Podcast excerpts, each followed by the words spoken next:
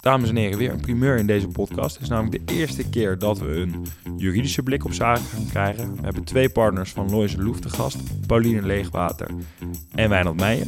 Ze zijn allebei net partner geworden ook en we spreken hun eigenlijk over ja, hun kijk op de wasgoedwereld op dit moment. En sorry lieve luisteraars als jullie wat uh, wind op de achtergrond horen, want uh, ook jullie favoriete presentatoren Guido en Mats, die hadden wat vitamine D nodig, dus ze zochten deze juristen op op de MIPIM. Zeker. En uh, nou ja, daar op de MIPIM hoorden wij dat de advocaten soms worden gebruikt als een, uh, als een, mining bird, hè, een soort van signaalfunctie dat ze dat krijgen. Dus ja, daar hebben wij hen eigenlijk ook weer voor misbruikt. Hè? Ja, precies. Nee, want zij zijn de eerste die doorhebben van oké, welke deal viel nou wel doorgang en welke valt, hè, nu, nu de markt uh, op zijn gat ligt. Ja, en we hebben gekeken, dat is ook nog een groot deel, dat je dus dingen die je niet vindt in juridisch DD, dat je die gewoon kan verzekeren. Dus eigenlijk, nou, hebben ze dan nodig? Nou, dat is een soort hack die naar Nederland is gekomen inderdaad. En dan het hoofdthema is Guido, juristen in het vastgoed. Is dat nou ja, strategisch van toegevoegde waarde? Of eigenlijk een duur noodzakelijk kwaad? Ja, daar hebben zij ook wel een en ander over te zeggen. Nou, ik, ik, heb wel een idee welke kant zij kiezen, maar we proberen ze de kritisch op te bevragen. Guido, en dat allemaal in de Vastgoedmarkt podcast. Jong geleerd. Oud gebouwd.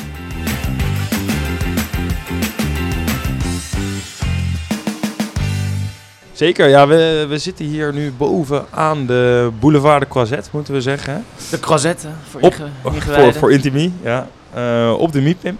En we zitten hier vandaag met uh, twee soorten ja, vastgoedprofessionals die we nog niet eerder hebben gehad, hè, Mats, in deze podcast. Heeft lang op zich mogen wachten, maar we zijn er desalniettemin heel erg blij mee. Uh, Paulien en Wijnand van, van Lois Loef, welkom beiden. Dank je.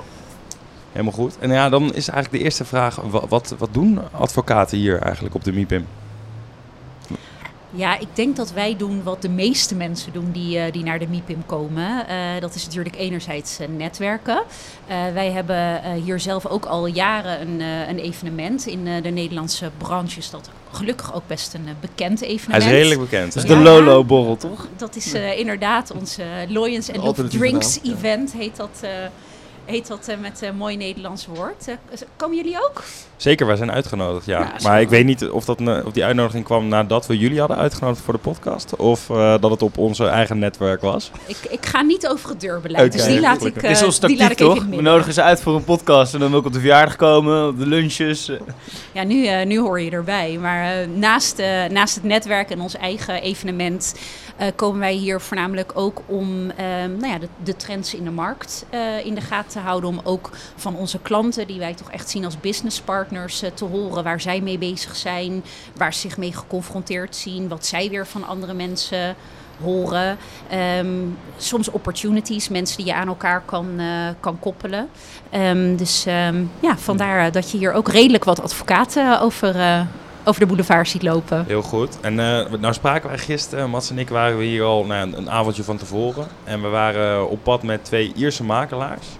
En die zeiden eigenlijk, de advocaten die wij hier spreken op de MIPIM... die vergeleek je eigenlijk een beetje als de mining birds van vroeger. Dus dat waren de vogeltjes die dan meegingen in de kooi de mijn in. En die dan als de koolstofmonoxide uh, ze tegemoet kwam, eerder omvielen dan de mijnwerkers zelf. Dus een soort van signaalfunctie. Heeft hij daarin gelijk, uh, of, of, was hij gewoon dronken? Uh, het een sluit het ander niet uit, denk ik. Maar de, hij bedoelt signaalfunctie in de zin van dat er, zoals er zolang er advocaten zijn, gaat het goed met de business? Ja, of meer dat jullie misschien als eerste dus merken als er dingen staan te gebeuren in de markt. Gaat een deal door of juist niet? Ja, dat zijn, dat zijn zeker dingen die wij, uh, die wij relatief uh, vroeg merken. Dat komt natuurlijk ook omdat wij uh, opereren zeg maar, onder een, een geheimhoudingsplicht. wat betekent dus dat, dat we relatief vroeg in processen worden, worden, worden ingeschakeld. En je dus ook in de voorbereiding van een deal ziet. En dan kun je dus ook wel zien, als je dat binnen een kantoor als de onze op een vrij grote schaal doet. of er een bepaalde trend is in de markt. Deals eerder worden afgebroken, eerder opstarten of mensen uh, off-market uh, handelen of toch uh, weer kiezen voor processen. Ja, dat zien we zeker. Ja, en waar zitten we dan nu? Wat is dan nu een beetje het gevoel? Jullie, nou, we zijn hier nu pas nog maar één dag eigenlijk. Wat is nu een beetje het gevoel in de markt? Nou, dat, dat, dat is natuurlijk al sinds de tweede helft van vorig jaar. Is dat sinds de rente echt is, is begonnen op te lopen. Dat is denk ik de grootste de grootste, de, nou, noem het de, de, de kanarie zeg maar, voor, voor, voor de deals die we zien. Want uh, je ziet gewoon dat heel veel processen die toen liepen, die zijn stilgezet. En iedereen kijkt naar elkaar, dat hebben jullie ook gehoord, om te kijken van uh, wat gaat de toekomst brengen en is er een goed moment om toe te slaan. We zien nog wel deals, maar dat is allemaal off-market en dat is... Dat is uh... Ik dat daar is wat meer over, dus... Um die deals die nog doorgang vinden, zijn dat per se allemaal off-market deals? Of zijn er meer eigenschappen van die projecten waardoor die dan juist net wel nog doorgang vindt ten opzichte van het gros dat neervalt? Allebei wel. Ik denk dat je tot op zekere hoogte ook. Je hebt ook gewoon soms deals die lopen al zo lang. Er zijn partijen al zo in geïnvesteerd. Is het omdat ze iets aan het ontwikkelen zijn of omdat ze al zo lang aan het onderhandelen zijn. Dat ze hem zullen, dat ze hem zullen afmaken. Ook omdat misschien de horizon van partijen niet per se gelinkt is uh, aan iets wat heel erg geïmpact wordt door de rente. Dus in die zin, als ze een langere horizon hebben of minder met extern geld financieren, dan maakt de rente minder uit. Nou, dat soort deals zie je nog steeds. En ik weet niet, Pauline, of jij daar nog gedachten bij hebt. Ja, ik zit zelf uh, wat minder in de uh, ontwikkelingsmarkt. Um, ik doe uh, heel veel standing assets, zoals wij dat noemen. Um, nou, misschien moeten we dat even uitleggen. Jullie zitten niet één op één, geloof ik, echt op dezelfde afdeling binnen Loyens, toch? Nou, wij werken niet zozeer met afdelingen, maar met sectorteams. Okay. En um, uh, ik zit wel op de afdeling vastgoed. En daarna zitten Wijnand en ik samen inderdaad in het sectorteam uh, vastgoed, real estate. Uh, overigens ook private equity, want ik focus me um, op de private equity kant van, van de markt. Um, maar binnen de niche vastgoed houden mensen zich soms ook bezig met ja, net een andere specialisatie. en ik doe um, wel ontwikkelingswerk, maar vaak aan de koopkant. Dus uh, wanneer er turnkey wordt, uh, wordt afgenomen Opgeleverd, of een, ja. uh, een forward funding of iets dergelijks. Um, maar ja, traditioneel deed de private equity eigenlijk vrij veel wat wij noemen standing asset deals. Dat zijn gewoon bestaande uh, verhuurde um, uh, gebouwen. Um, en daar is het een beetje een, een mix. Um, je ziet nog steeds wel wat, wat marketing, hè, waarbij er gewoon teasers worden uitgestuurd naar een, een hoop geïnteresseerden. maar veel mensen zien dit toch ook wel als een, om, een kans om voor de markt uit dan, um, dan een deal te doen. Nou, als, oh ja. ze, als ze weten dat... Komt er weer goede tijden komen weer aan? Nou ja, bijvoorbeeld ja. of ze weten bijvoorbeeld dat van hun contact dat iemand overweegt om een bepaald pand uh, te verkopen. Of ze hebben het al een tijdje in hun portefeuille en ze weten dus van nou, het, deze partij uh, heeft over het algemeen het vastjaar, uh, vastgoed niet meer dan vijf tot zeven jaar op de, op de boeken staan. Want dat soort investeerder is het. Ja, dan bellen ze gewoon één op één. En dan... Hmm dan kijken ze gewoon of ze er op die manier en het is uit natuurlijk kunnen komen. Een, uh, een proces waar je eigenlijk heel erg ziet op elkaar wachten. Hè? Iedereen vindt het een beetje eng om die eerste te zijn. Ja. Maar het is ook belangrijk dat als het gaat rollen, dat je dan niet te laat bent. Dat en klopt. Die signaalfunctie die hebben, ruik ik nu in je verhaal eigenlijk dat je zegt van, nou, ik zie al links en rechts dat mensen wel denken, dit is het moment, nu ga ik toeslaan. Nou ja, als je het mij vraagt, um, hebben we uh, een minder slechte winter gehad dan veel mensen hadden voorspeld. Uh, het, het, liep, het sentiment was voor het jaareinde best wel negatief bij sommige mensen. Hangt er overigens ook vanaf wie je het vraagt. Want uh, private equity, als je niks op de boeken hebt staan en je hebt wel uh, capital geraced, je hebt gewoon geld om uit te geven, dan denk je, van, nou, ja, ik, ik heb er zin in de komende periode. Als je juist moet verkopen omdat je aan het einde van je fonds zit en je ziet wat afwaarderingen aankomen, dan had je het misschien een iets mindere periode gevonden.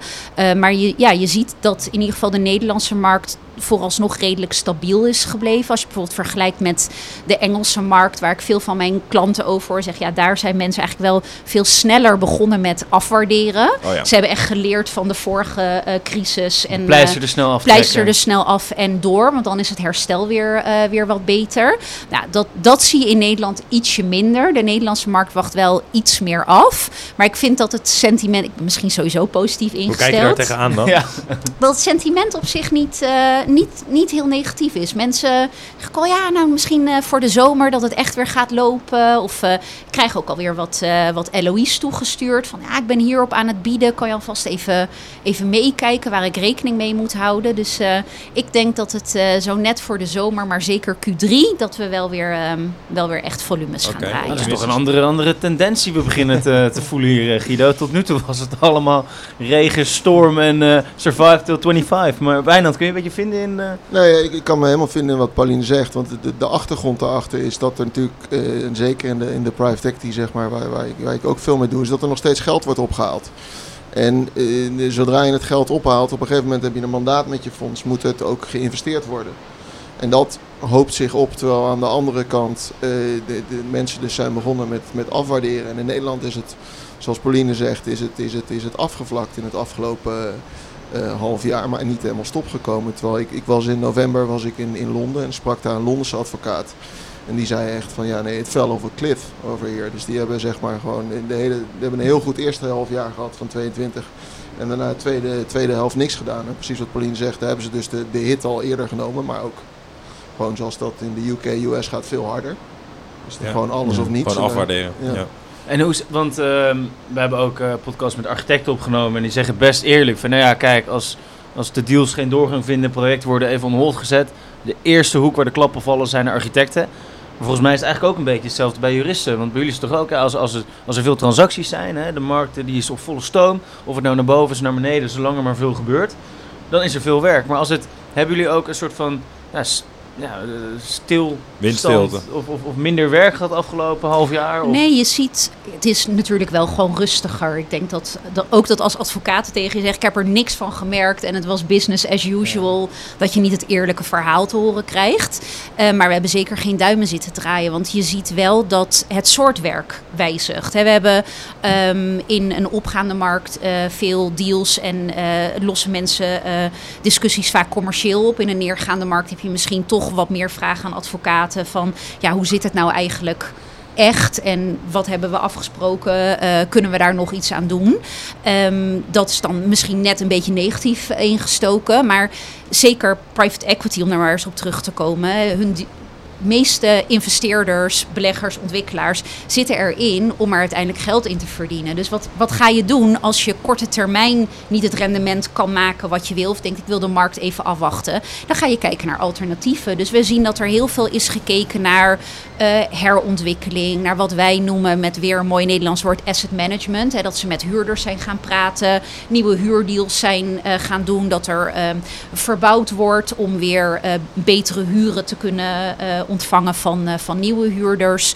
Dus we zijn zeker bezig geweest. Maar dan niet per se met het hardcore dealwerk. Maar meer met herfinancieringen of eh, asset management. eh, dat soort werk. En ik sloeg nog even aan op dat je zei ehm, vanuit private equity dat het ook veel standing assets zijn die ze dan aankopen. Maar ehm, private equity is toch juist gewoon wat, wat durfkapitaal die juist, inderdaad wat je zegt, ze zitten, zitten erin om, om geld te verdienen. Dan is het vaak lucratiever om high risk, high reward op een ontwikkeling of dat soort dingen in te stappen. Ik match dat in private equity kapitaal is in mijn hoofd altijd van er moet wat met een bedrijf of met een pand gebeuren. Maar dat is dus niet eh, het geval, ik, zeg je. ik denk dat dat wel, dat is, dat is natuurlijk waar ze, waar ze, waar ze hun bread and butter. Kijk, zij zeggen van oké, wij kunnen met een bepaalde, in een bepaalde asset class, en dat kan bijvoorbeeld vastgoed zijn, meer geld verdienen dan andere mensen. Omdat wij dus inderdaad mogelijkheden zien die anderen niet zien. En daardoor kopen ze inderdaad, eh, als ze standing assets kopen, kopen ze nog steeds vaak wel standing assets die dan nog wel wat management vereisen. Ah, ja. eh, want ik bedoel, als het Ja, die strategie heet eigenlijk value add. Dus eh, ze kopen over het algemeen wel altijd vastgoed waar ze denken nog waarde aan toe te kunnen voegen. Inderdaad, door iets te verbouwen of het beter te laten managen. Ehm, vastgoed gaat ook altijd best vaak cyclistisch. Hè? Ik bedoel, de institutionele beleggers gaan op een gegeven moment weer verkopen. omdat zij ehm, de moeite er niet in, eh, in willen steken.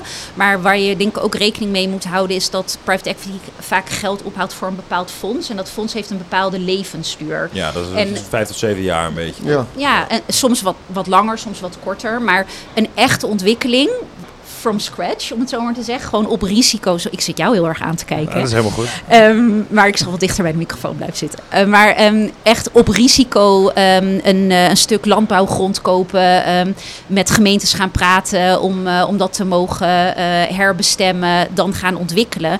Ja, als, als je, jullie hebben daar veel ervaring mee. Als je kijkt naar het tijdspad wat daarmee samenhangt. Dan weet je ook dat dat niet per se altijd in... Daar heb je die vijf en zeven jaar over, dat de oplevering is. Ja, dus... ze, zeggen, ehm, ze, hebben de spanningsboog niet, eh, die private equity jongens. Hey, ik denk dat we de markt wel redelijk eh, eh, kunnen afsluiten. Het gaat gewoon helemaal goed komen. Ik, eh, ik kan vrolijk aan de rosé zo. Ehm, ik wil het even over hebben over jullie rol als jurist in, ja, in, in die vastgoedwereld. Want ehm, natuurlijk, er zijn heel veel professionele ontwikkelaars. En ook ontwikkelaars, we noemen ze altijd maar schim, stimpele, eh, simpele stenen schuivers of stenen bouwers of stapelaars. Maar het is toch ook vaak wel een beetje amateuristisch. Als ik een beetje uit, uh, uit nou ja, eigen ervaring klinkt wel heel raar na deze introductie. Maar als ik bijvoorbeeld kijk naar, eh, naar, naar koopcontracten of naar, uh, naar aannemerscontracten. En dan komt het er vaak op neer dat wij als ontwikkelaars onderling een beetje zeggen, ja, ik wil dat dit erin komt en dat erin komt. En dan zitten we zelf met, uh, met track changes in dat Google Docs te kloten. Oh, track changes. En dan, hup, gaat het naar de jurist. En dan vraag ik me wel eens af, hoe komt dat bij jullie binnen? Zitten jullie niet hoofdschuddend van, wat hebben die gasten of vrouwen nou weer bekokstoofd? Van, jongens, zo kan je dat helemaal niet opschrijven. Wat jullie zeggen kan helemaal niet. Of... Nou, dat is voor ons ook altijd wel weer leerzaam hoor. Dat, dat is ook belangrijk, zeg maar. Hier helpt het ook als je dus een, een, een vertrouwensrelatie hebt met jurist. Ik bedoel, wij, wij, hebben ook cliënten inderdaad, zeg maar, die zeg maar, sturen zo een eerste versie toe. En als je gewoon al lang op elkaar ingespeeld bent, dan kun je daar vrij snel iets van maken. Wat de commerciële afspraak, die gewoon de ontwikkelaars en alle andere partijen doorgaans heel goed met elkaar kunnen maken. Weten allemaal, iedereen weet allemaal best goed wat hij bedoelt. Vervolgens ook op zo'n manier op te schrijven. Ehm, dat daar eh, ook handen en voeten aan worden gegeven. En kijk, hoe gaat het nou in de praktijk? Kijk, als gewoon een principale, als die afspraak maken met elkaar. Kijk, dat is positief. Dan zeg je, we gaan in dit gebouw ontwikkelen. En dan gaan we zo en zo uh, zulke kwaliteiten. En we gaan deze huurders zoeken. Dus dat is het hele soort van, dat is de hele upside. Maar vervolgens moet je ook afspraken maken van, oké, wie gaat het financieren? En wat nou eventjes, zeg maar, wie neemt... het misgaat. wat, wat is het misgaat. Ja, tot op zekere hoogte is dat, en denk ik een belangrijke rol ook van de adviseur, is dat je met ze alle risico's in kaart brengt. En dat je ze ook afdekt. Maar niet ten koste van allen. Want je kent natuurlijk ook de verhalen over advocaten die alles stilzetten door alleen maar op de risico's te, te, te wijzen. Maar dat je daar gezamenlijk over praat en zegt van oké, nou kijk, wij, jij wil linksaf. Nou, wij denken dat het een goed idee is, maar kijk uit, als je linksaf gaat, dan kan er wel een auto van rechts komen. Ja, die maken het even ja, prima beeldspraak, ja, ja, zeker. Maar er zijn ook advocaten die zeggen, nee, je moet niet linksaf gaan, want die auto kan van rechts komen. We moeten die hele weg verleggen en als de wederpartij daar niet mee eens is, dan doen we het gewoon niet. Eh, en Pauline, als je dan uh, kijkt in die onderhandelingen die je hebt met een andere partij, ga je dan eigenlijk liever dat aan de andere kant van de tafel een uh, vastgoedpersoon zit of een jurist van het andere bedrijf? Want ik kan me wel voorstellen dat je met juristen dezelfde taal kan praten en, en sneller, ja oké, laten we het deze manier opschrijven. Maar zo'n vastgoedman is misschien wat makkelijker. Aan de andere kant maakt het me vaak niet zo heel veel uit. Vaak zijn de de, wat jij noemt, vastgoedmannen uh, die aan de andere kant van de tafel en vrouwen, zitten. Hè, die zijn vaak ook professioneler. Ja, nou, ja over, het, over het algemeen, uh, over zijn, het algemeen wel. Die gasten die, die lopen te kutten hoor. Ja, maar ja, kijk, jij, jij noemt het kutten. Um, maar ik, ja, okay, ik okay, onderken okay. wel dat, um, uh, dat er een commerciële werkelijkheid is en een juridische werkelijkheid. En wat onze taak is, is om de juridische werkelijkheid te laten aansluiten bij, bij de commerciële wens. Um, hè, want jij vroeg, nou, ja, dan sturen wij zo'n contract op en denken jullie dan wel eens van, oh, wat heb je nu weer gedaan? Nee, eigenlijk nooit. Um, en wat um, in zo'n geval in het, in het contract gaat, kan over het algemeen ook prima. Want het Nederlandse contractenrecht is eigenlijk vrij, vrij breed. Je mag vrij veel gewoon onderling Gewoon afschrijven, zeg maar, toch? Gewoon ja. Van, uh, ja. Maar wat wel heel belangrijk is, is dat er vervolgens ook echt staat wat partijen bedoelen. En ja. om dat goed te begrijpen, um, is het gewoon heel belangrijk dat je ook de business van je klant goed, goed begrijpt. Um, ik vertel wel eens aan uh, collega's in het kader van de opleidingen: je kan twee dingen doen. Je kan gewoon de vraag beantwoorden. Vaak zijn vragen ja of nee vragen, maar je kan ook denken: maar waarom wil iemand dit eigenlijk weten? Uh, want het is vaak de, de vraag achter de vraag die maakt dat je iemand echt verder verder kan helpen. En wij zitten er, uh, de meeste van ons zitten er ook echt niet in om een deal te, te bemoeilijken. Um, ik vind juist het vastgoed zo leuk omdat het heel positief is. End of the day wil de een kopen en de ander verkopen. Of de een wil ontwikkelen en de ander wil het afnemen. Dus het is een doel waar je samen, samen naartoe werkt. Um, vaak in wat kortere tijdslijnen dan, uh, dan wat andere uh, deals. En ja, dan is het heel prettig als, uh, als je mensen aan de andere kant hebt zitten die, die het wereldje ook begrijpen. Maar die er ook een beetje commercieel in zitten. Omdat we er zijn om onze klanten verder te helpen. Ja, en, en volgens mij worden jullie ook wel heel erg eh, gewaardeerd eh, daarvoor. In ieder geval door mij. Ik vind het altijd heerlijk als er een jurist meekijkt. Dat geeft ook een soort van rust. En uh, ja, lekker domme commerciële dingen opschrijven. Maar Wijnand, klopt het dat jullie ook meerdere asset classes binnen vastgoed doen? Dus logistiek, retail, kantoren? Ja, wij doen eigenlijk de, alle, alle asset classes. En ik denk dat wij daar met z'n tweeën ook een goed voorbeeld zijn. Bijvoorbeeld, ik, ik ben van oudsher zeg maar een M&A-advocaat. Dus, dus, dus in, in zeker in het begin van mijn carrière zeg maar, heb ik transacties gedaan. Van, van, van tuinbouwbedrijf tot, tot softwarebedrijf. Dus heb ik alles gedaan. En uh, een onderdeel van mijn praktijk is bijvoorbeeld, die we veel doen, is bijvoorbeeld ook, we doen ook veel hotels.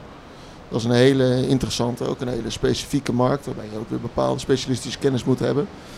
Maar we doen ook ontwikkelingen en we doen ook de, de logistiek natuurlijk, dat doen we allemaal.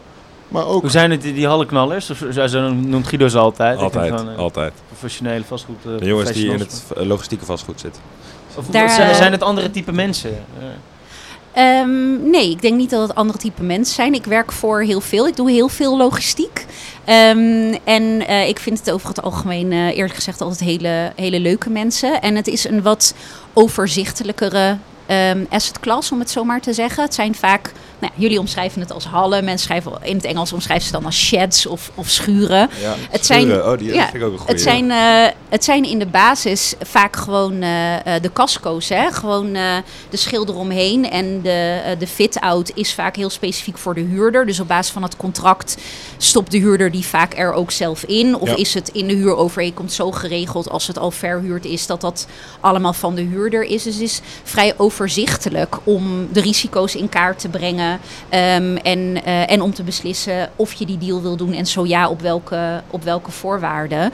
Dus uh, het gaat misschien allemaal wat sneller en wat pragmatischer in, uh, in de logistieke okay. hoek. Ja. maar het zijn gewoon hetzelfde, soort, hetzelfde soort cliënten. En um, merken jullie nou verschil als je eigenlijk in een opgaande markt zit, dan kan het misschien wat lastiger zijn voor een klant om in ieder geval de risico's in te schatten. Ik bedoel, het zal toch allemaal goed gaan. Maar als het dan wat minder gaat, dan worden de risico's in één keer wat duidelijker van bijvoorbeeld vorige deals. Het risico inschatten is het probleem niet. Vraag is wie dat risico moet accepteren. Okay, okay. En in een opgaande markt zie je dat verkopers in de basis gewoon uh, zeggen: ja, weet je, jij als koper accepteert het maar, of ik verkoop het wel aan iemand anders. Ja. En in een wat neergaande markt is er wel iets meer ruimte voor, uh, voor onderhandeling. Oké, okay. dus dan zie je okay, dus dat, dat het daardoor op die manier dan duidelijker wordt. Ja. En inschatten. Nee, je ziet langere processen in een neergaande markt. Dat is uh, de, de, gewoon, het duurt langer, mensen worden kritischer. Precies wat, wat Pauline zegt. En in een opgaande markt zie je ook meer processen. Dus dan zie je meer veilingen. Dat gewoon een asset echt met een mooi uh, IM wordt neergelegd. Dat zoveel mogelijk partijen worden aangeschreven. En dat er eigenlijk een, een, een hype wordt gebouwd. Waarin precies zoals Pauline aangeeft zegt van nou ja ja, de, de, de, jij ziet een vlekje, maar ja, andere mensen zien het niet. Dus je take it or leave it. Terwijl je dus ziet, in een neergaande markt zijn er wellicht helemaal geen andere bieders. En dan wordt er gewoon vervolgens over dat vlekje onderhandeld. Ja, precies. Okay. En is de tone of voice ook anders? Ik bedoel, als je... We, we ook, uh, wat die Ieren ook aangaven, die we gisteravond spraken... Uh, die zeiden Ze ook van, veel geleerd, hè? Ja, ja, ja, ik kom nog best veel van herinneren. nu dat bij jou zit. Maar die, die gaven ook aan van, nou, ik spreek eigenlijk veel meer juristen nu. Um, en dat heeft er ook mee te maken dat ik ze ook wel eens nodig kan gaan hebben de komende tijd. Dus dat ze zeggen van, nou ja, de, de tone of voice, als het allemaal goed gaat. Uh, dus van, ja, ja, fijn dat die juristen er zijn. Uh, ze vergemakkelijken het proces. Maar nu kan ik ze als echt nodig gaan hebben. Want ja, er wordt gewoon, die, wat we hebben afgesproken in contracten... Uh, voor als het misgaat, dat soort scenario's kunnen nu wel eens tot uiting komen. Ja, nou, ik denk dat, ik bedoel, dat, dat, is, dat, is, dat is de inhoud. Maar ik denk dat de tone of voice niet verandert. Want de tone of voice is eigenlijk altijd wel hoffelijk. En dat proberen we ook te zijn. Ook omdat je in principe altijd dezelfde mensen tegenkomt. Kijk, in ieder geval wij komen sowieso altijd de, de, dezelfde collega's tegen bij andere kantoren. Net zoals jullie altijd je, je companen bij andere uh, kantoren tegenkomen. Dus er is toch een bepaalde neiging om het met z'n allen wel vriendelijk te houden. Want je kan, als je één keer heel erg uit de bocht vliegt, dan doe je daarna geen zaken meer met elkaar. Dat neemt niet, uh, neemt niet af dat je wel gewoon hard moet zijn op de inhoud. En dat, uh, dat zal, zal jullie eerste vriend ook gezegd hebben. Ja.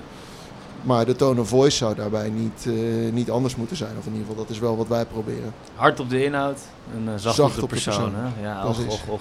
Hey, ehm, maar ik kan me wel voorstellen dat het als het allemaal wat minder rooskleurig is, dat je eerder klachten krijgt van eh, waarom kost jullie eigenlijk zoveel? Ik bedoel, als ik een deal maak en het klotst tegen de plinten en eh, ja, er zit zoveel winst in, of ik dan eh, anderhalve ton of twee ton aan mijn jurist moet betalen, maakt me niet zoveel uit. Maar ik kan me ook voorstellen dat als de business case wat dunner wordt, dat, er ook wordt gezegd, ja houd of, waar komen eigenlijk al die uren vandaan? Ik ben meer jullie kwijt dan dat ik eraan verdien. Ik, ik herken dat zelf niet. Ik denk dat de markt er wel heel erg aan gewend is dat wij anders dan bijvoorbeeld makelaars niet mogen werken op no cure, no pay basis. Dus of de deal nou doorgaat of niet.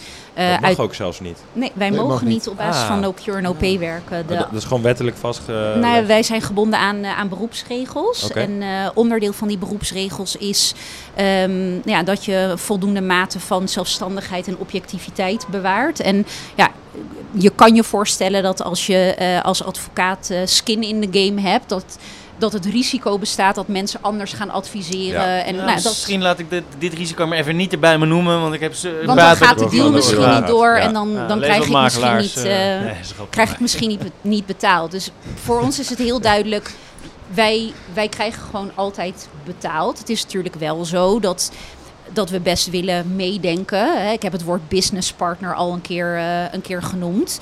Als een deal niet doorgaat, ja, dan, dan kunnen we daar natuurlijk prima afspraken over maken. Dat doen we overigens aan de voorkant. En wat is dat dan? Dat je zegt, nou, als de deal niet doorgaat, dan eh, krijgen jullie maar twee derde van de billable hours. eh, Twee derde is, is erg overdreven. maar, maar nee, dat... Bij ons is alles altijd door, dus ik heb helemaal Ja, nee, dat, dat zijn wel dat soort afspraken inderdaad. Hè, dat er dan gezegd wordt, als de deal niet doorgaat, dan, eh, dan breng je een bepaald percentage van de fees niet, eh, niet in rekening. En de, de trade-off is dan vaak dat eh, wanneer het eh, wel heel goed gaat ehm, en eh, je werkt bijvoorbeeld heel efficiënt, dat er ook veel klanten zijn die zeggen, nou ik, ik gun jou op deze deal dan wat meer om goed te maken wat je op die andere hebt, eh, hebt afgeschreven. Dat, dat is echt een samenwerking in die zin.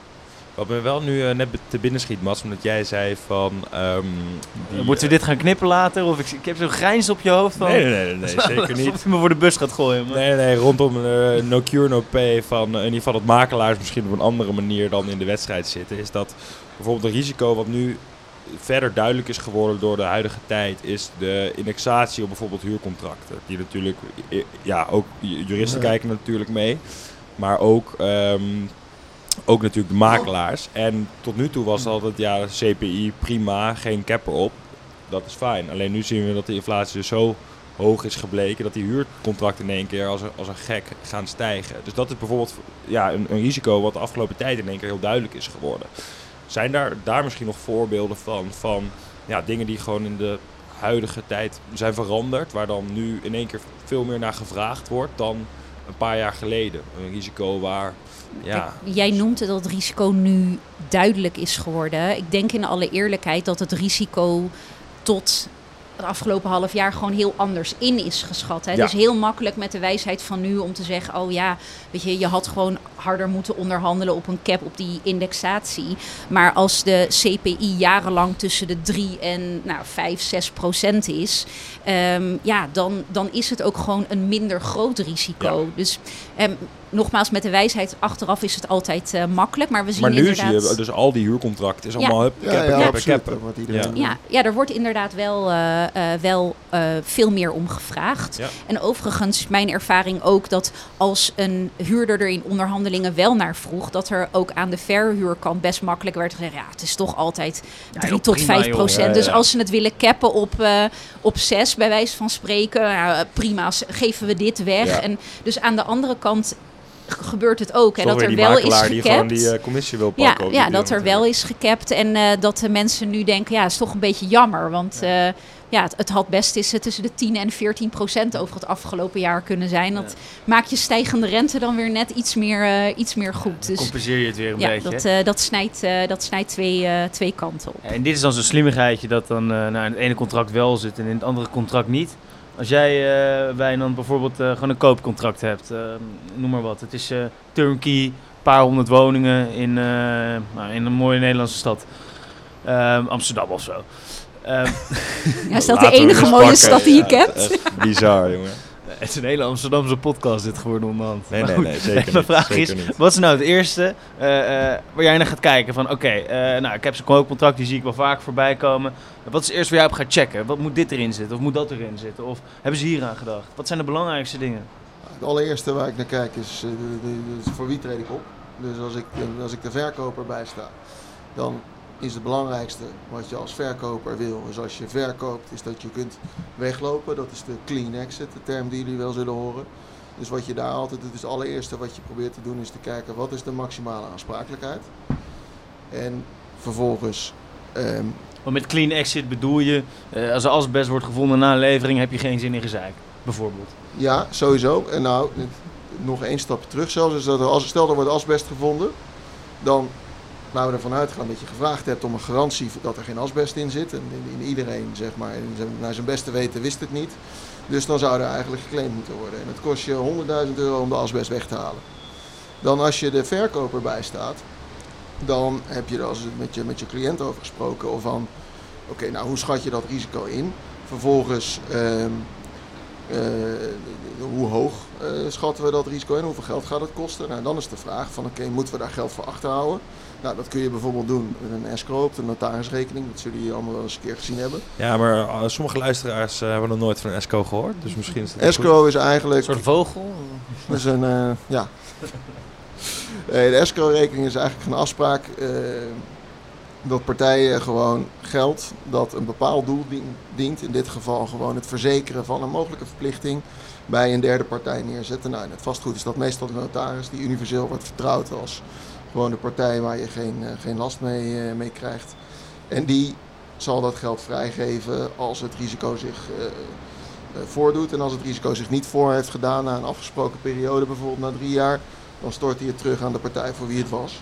Nou, en wat je bijvoorbeeld ook ziet, en dat zie je nu steeds meer deals en verkopen ook, waarbij partijen dus eh, de, de anglo-saxische invloed laten meewegen, is dat we nu dus ook heel vaak zien dat partijen, zeker private equity, werken met eh, een WNI-verzekering. Dat is een eh, Die moet je ook warranty- even uitleggen, ja. dat is een warranty en indemnity verzekering. En dat is eigenlijk een product, er zijn verzekeraars op gedoken, is dat als je in je SPA garanties geeft, kun je die laten verzekeren. En dan kom je in de, de, de situatie terecht dat als je als koper SPA's, eh, share purchase, purchase agreement, of sale and purchase agreement, maar koopcontract van aandelen of eh, De op het vastgoed zelf. Ja. precies. En is dat je dus die garanties, dat je daarvoor niet meer naar de verkoper eh, moet, maar dat je dus naar eh, een verzekeraar gaat. En die verzekeraar gaat dan, treedt eigenlijk volledig in de positie van de, van de verkoper. En als je onder het contract een claim eh, zou hebben gehad en er zou moeten worden betaald door de verkoper, kun je dat eh, in principe op de verzekeraar verhalen.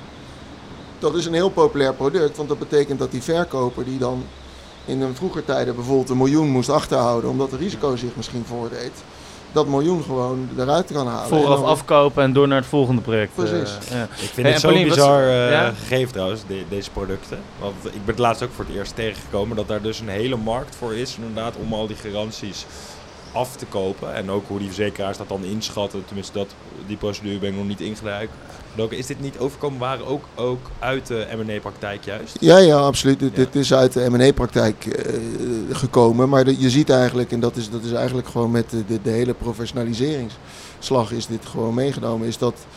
Kijk, als er een mogelijkheid is voor mensen om een deal soepeler te laten lopen, in, in wat voor sector je ook zit, dan zullen ze daar gebruik van gaan maken. En toevallig eh, was ik, eh, van de week kregen we een presentatie van een van de brokers. Dat zijn dus de mensen die die verzekeringen... Dan kom ik altijd onrustig zo'n gesprek uit, hè. Als ik zo'n verzekeringsbroker op bezoek heb ik op kantoor, dan, is het, dan denk ik dat alles goed gaat en vervolgens ga ik toch alles, alles weer betwijfelen. ja, die, Haat die gasten.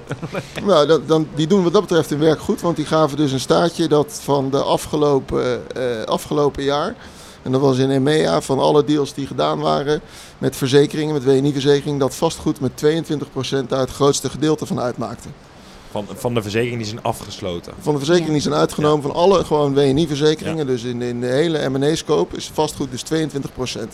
Maar je hebt, je hebt wel gelijk dat het mee is gekomen met de buitenlandse investeerders. Eh, sinds die steeds meer zijn gaan investeren in, in Nederland. Is een product wat zij eh, traditioneel veel meer kennen en ook veel meer gebruiken dan in de Nederlandse markt. Omdat ons ehm, kadasterstelsel werkt heel goed. Hè. Je kan bij ons in het kadaster en ook met de notariële betrokkenheid eigenlijk met vrij veel zekerheid zeggen wie de titel heeft en dat iemand bevoegd Van wie is. wat is. Ja, En, en dat iemand bevoegd is om, om over te dragen. En in sommige buitenlandse jurisdicties is dat heel anders. Ja. En daar wordt dat risico afgedekt ehm, door dus inderdaad zo'n verzekering ehm, uit te nemen. Ehm, maar omdat het risico hier vrij beperkt wordt geacht door verzekeraars, kan je in verhouding, zeker voor nou, wat jullie omschrijven als stenen deals, relatief goedkoop eh, verzekeringen uitnemen.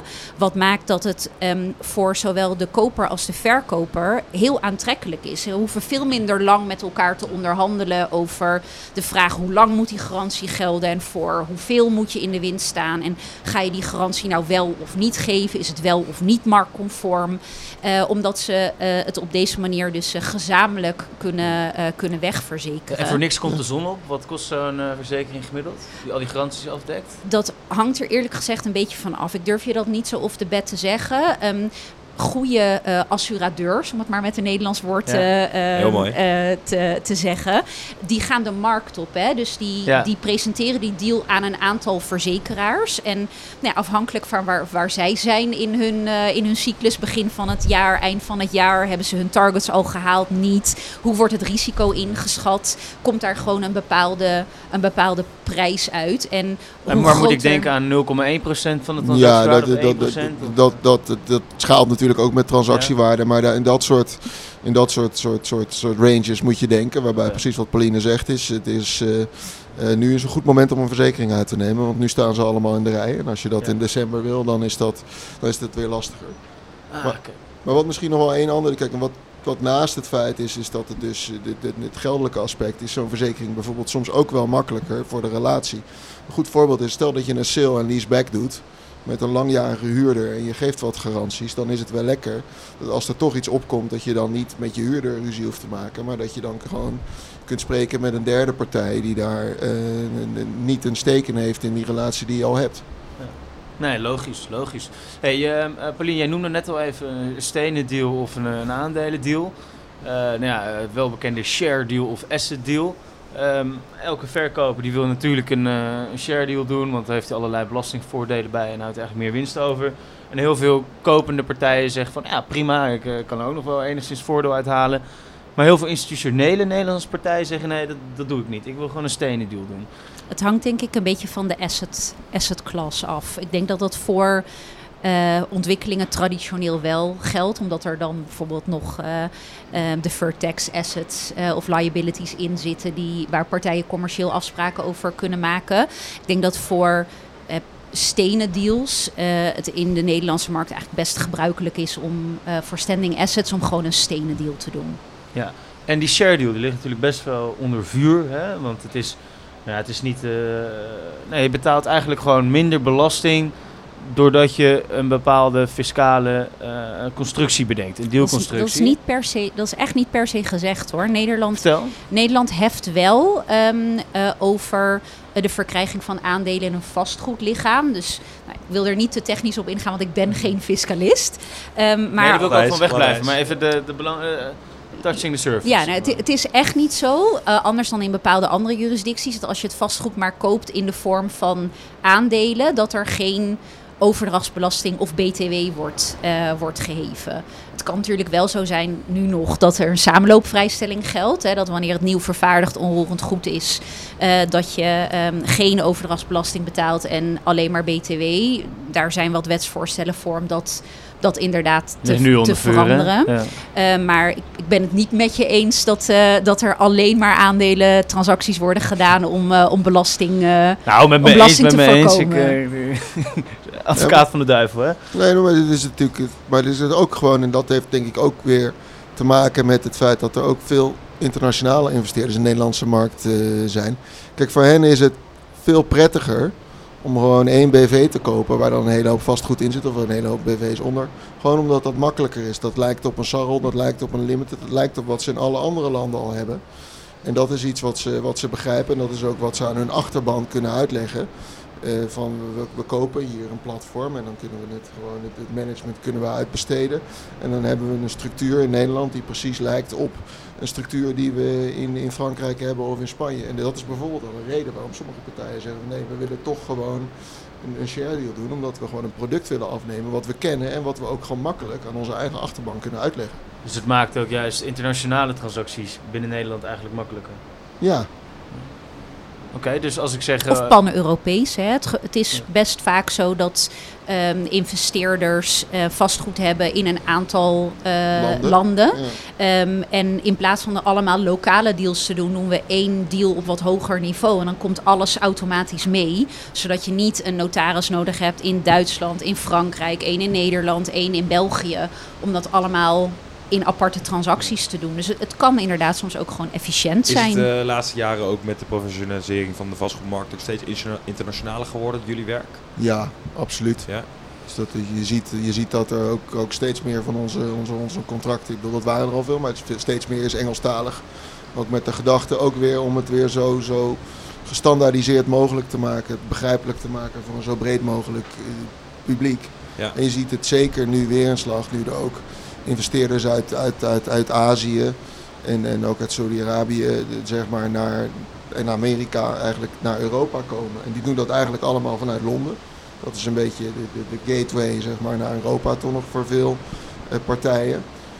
En daar is, is, een hele industrie ontstaan die toch wel probeert de, de zaken te, te standaardiseren, zodat het voor iedereen steeds begrijpelijker is. En heb- hoe doen jullie dat met eh, collega's internationaal dan? Hoe is dat in, bij Lois Loef eh, gestructureerd, zeg maar? Als stel jullie je voor, je hebt een portfolio, nou, even vanuit Nederland, er wordt verkocht over verschillende landen. Hoe gaan jullie dan te werk? Dan is de voertaal Engels. Ja, maar ik bedoel meer van over, over de landsgrens. Hebben jullie dan dus collega's die ergens anders zitten? Werken Ja. jullie samen Ja. met zusterkantoren? Nee, wij Eh, hebben ehm, vier home markets. Eh, naast Nederland zijn dat eh, België, Luxemburg en, eh, en Zwitserland. Eh, we hebben ook een aantal rep offices, eh, om het zo maar te zeggen. Eh, Londen, eh, New York, eh, Singapore tot voor kort. Maar daar wordt wel geadviseerd over Nederlands, Luxemburgs, Belgisch of Zwitsers recht. Dus wanneer er een eh angle aan zit waarbij er dus ook over een andere jurisdictie Ja. moet worden geadviseerd, dan hebben wij inderdaad eh, bevriende kantoren. Bevriende waar we, kantoren, ja, mooi. bevriende En kantoren. die zien jullie hier dan eh, weer op de boulevard Ja, ja, lopen, daar, eh, Absoluut, die zien we hier ja. ook. Ja. Ja, mooi. Misschien Dus is het die, al tijd om weer Die kan je vanavond ook ontmoeten op onze borrel. Dus als je nog, eh, nog interesse hebt in wat vastgoed in het buitenland, I can hook you up. Heel, heel goed. Ja, dat gaan we zeker doen dan. eh, ik denk dat wij in ieder geval eh, een beeld hebben voor hoe je het eh, juridische vastgoedlandschap er tegenwoordig uitziet. Eh, we willen jullie eh, hartstikke bedanken om hier bij ons aan te schuiven. Nou, leuk. Jullie ook Dankjewel. bedankt.